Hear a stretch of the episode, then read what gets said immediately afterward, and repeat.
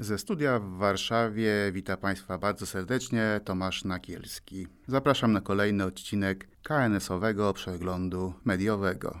Jak zwykle rozpocznę od podziękowania za sympatyczne reakcje na audycję, a przede wszystkim za to, że jakaś grupa osób zechciała poświęcić swój cenny czas, by odsłuchać podcast.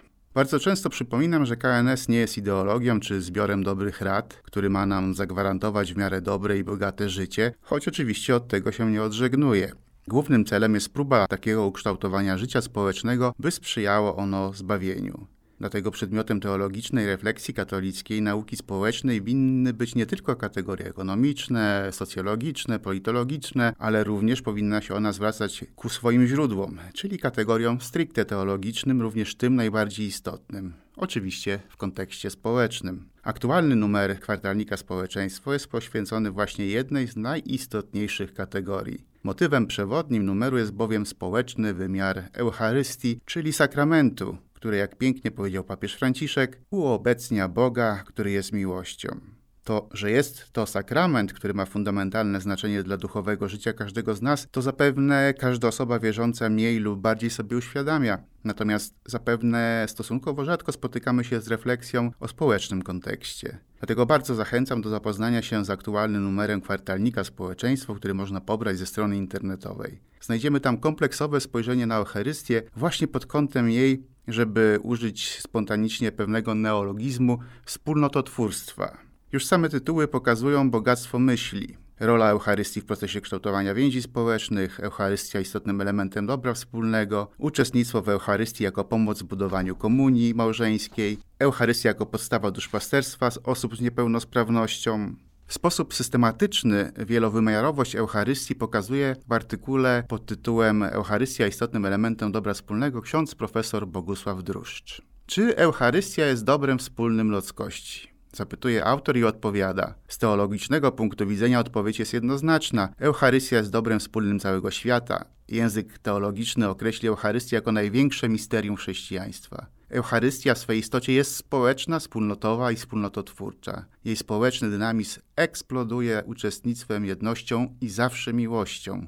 Najświętsza Eucharystia jest sakramentem jedności, bo w niej zawiera się całe dobro Kościoła, to znaczy sam Jezus, chleb żywy dla całej ludzkości. Eucharystia, pisze ksiądz profesor Bogusław Droszcz, owocuje kościołem stale się budującym. W Eucharystii nie ma egoizmu, jest pełna prospołeczność, aż po niezrozumiałe dla ludzkiego intelektu uczestnictwo Boga w życiu człowieka. W Eucharystii wszystko jest dla, jej społeczność przechodzi w jej personalność i odwrotnie. Eucharystia jest osobistym darem Boga w Jezusie Chrystusie. Koniec cytatu.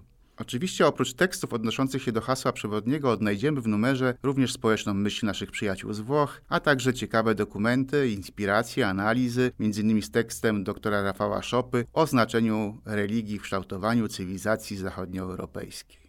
Szanowni słuchacze, repeticja est mater studiorum. Powtarzanie jest matką studiujących. Dlatego z innego periodyku, z aktualnego numeru Perspektywa Legnickich Studiów Teologiczno-Historycznych proponuję lekturę dwóch artykułów, które zbierają podstawową refleksję KNS na temat obywatelskiego i politycznego zaangażowania katolików w życie społeczne. Są to teksty Natalii Mann-Barbury, Obywatelska postawa chrześcijanina i księdza Jana Rajczakowskiego, Obecność chrześcijańskiej aksjologii w dobrej polityce.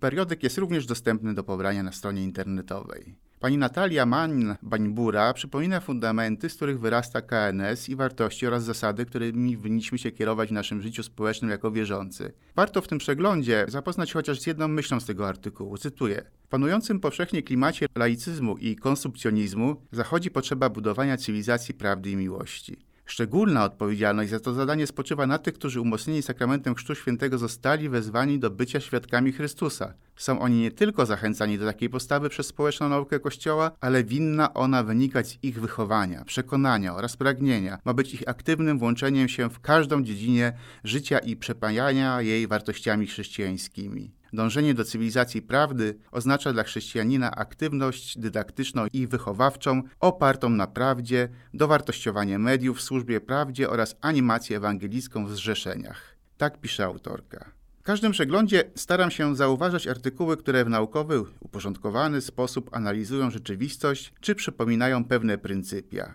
jak również te publicystyczne, które są próbą aplikowania zasad i wartości KNS do jakichś konkretnych skrawków tej naszej jakże zagmatwanej rzeczywistości społeczno-politycznej czy ekonomicznej. Zagmatwanej, bo wbrew różnym narracjom ładu w niej coraz mniej. Teraz zwrócę uwagę na artykuł z periodyku Chrześcijaństwo, Świat, Polityka ze szczytów społecznej myśli Kościoła. Motywem przewodnim tego naszego KNS-owego przeglądu mediowego są nawiązania do toczącego się sporu cywilizacyjno-kulturowego. Jednym z filarów degradującej się, albo przynajmniej głęboko transformującej się na naszych oczach tzw. Tak cywilizacji zachodniej były uniwersytety. Kryzys idei uniwersytetu jest objawem, ale niestety katalizatorem kryzysu cywilizacyjnego. Autor, wskazując na powszechne przeświadczenie dotyczące rozdźwięku porządków wiary i rozumu, zwraca uwagę na fakt, że w badaniach rozum ludzki został zredukowany do rozumu utylitarnego i pozytywistycznego. W konsekwencji ludzkie poznanie zostaje odcięte od transcendencji, pisze, a nauka od pojęcia prawdy obiektywnej.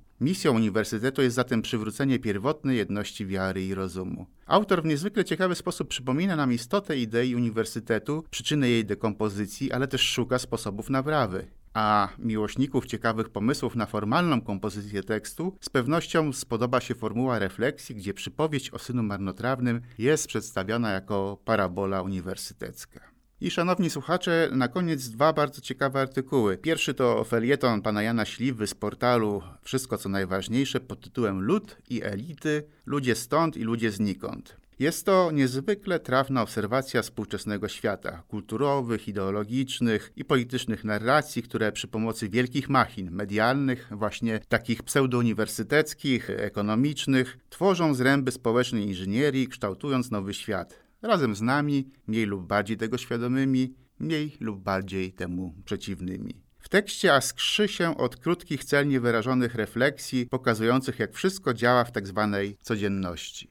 W medialnym mainstreamie role są jednoznacznie rozdzielone, pisze Jan Śliwa. Bohaterem pozytywnym jest postępowa elita, niosąca przed masami kaganek oświaty, jeżeli te zechcą z niego skorzystać. A rolą ludu jest słuchać mądrzejszych, i na nich głosować, by zachowana była zewnętrzna forma demokracji, a i by wygrywali ci, co trzeba. Powtórzę jeszcze raz tą ciekawą myśl, by zachowana była zewnętrzna forma demokracji, a i by wygrywali ci, co trzeba. I dalej pisze też pan Śliwa, jeżeli jednak lud się znarowi, należy przywołać go do porządku. Może do tego dojść, jeśli lud znajdzie sobie alternatywnych przywódców. Ponieważ media pozostają w rękach elit, przywódcy tacy stygmatyzowani są jako populiści z całym zestawem negatywnych atrybutów. Sugeruje się, że dla populusu nic się nie da zrobić, a jeżeli ktoś się ekonomicznie nie wyrabia, to jest sam sobie winien. Kto obiecuje, że różnice majątkowe mogłyby maleć, a nie rosnąć, musi być oszustem i demagogiem. Problemy zgłaszane przez lud, jak na przykład obawa przed migrantami z obcych kultur, są pozorne i demaskują jego ksenofobię, homofobię i co tylko. Tak pisze Jan Śliwa. Drodzy Państwo, najchętniej przeczytałbym cały ten felieton, ale mam nadzieję, że zachęciłem do jego lektury. Jest to tekst publicystyczny, a więc nie jest wielostronicową, pogłębioną analizą, ale przez niezwykle trafną i wyrażoną zgrabnym językiem obserwację należy do tych tekstów, które, jak to się mówi potocznie, zmusza do myślenia.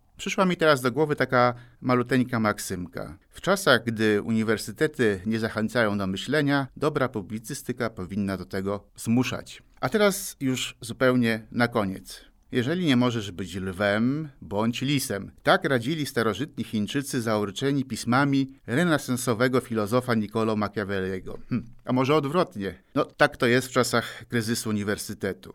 Jedną z centralnych kategorii chrześcijaństwa, co za tym idzie e, KNS-u, jest ludzkie życie, jego godność i obrona życia od momentu poczęcia do naturalnej śmierci. Doskonale wiemy, jak w dzisiejszym konflikcie kulturowym fundamentalnym jest spór o antropologię, o godność człowieka, czego egzemplifikacją jest ścieranie się stanowisk w sprawie aborcji. Jako chrześcijanie jesteśmy przekonani, że przeciwko aborcji nie świadczą jedynie argumenty ściśle teologiczno-religijne, ale również te racjonalne i naukowe. Ale czy potrafimy je dobrze wyrazić? Czy nasza narracja przekonuje opinię publiczną, która w coraz mniejszy sposób, ale jednak może przełożyć się na wyniki wyborów? A więc na prawo, które powstanie i które może być pro lub anty-life?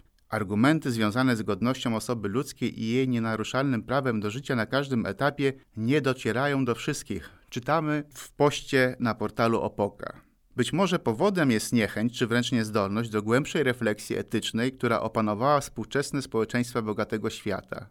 Okazuje się jednak, że pozostała w nas bardziej fundamentalna zdolność do współodczuwania z innymi, nawet jeżeli nie idzie za tym pogłębiona refleksja. Dlatego duże znaczenie ma okazywanie faktów, wyników bądź badań naukowych, które wskazują na zdolność nienarodzonych dzieci do odczuwania bólu, reagowania na bodźce.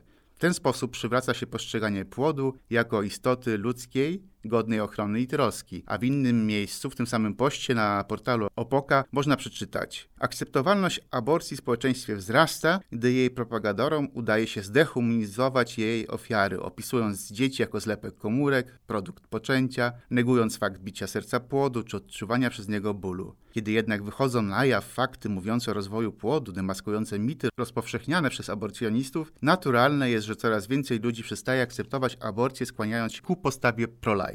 Koniec cytatu. Szanowni Państwo, ten, ten, prosty tekst z portalu przypomina nam, że w całym tym przytłaczającym sporze cywilizacyjnym, tym trudnym momencie przemian politycznych, ekonomicznych, kulturowych, nie powinniśmy tracić chrześcijańskiej nadziei. Stać z założonymi filozoficznie rękami, ale jednak dalej ewangelizować rzeczywistość społeczną. Czasem wystarczą proste środki, by te nasze działania uczynić skuteczniejszymi. Nie lękajmy się. Do usłyszenia.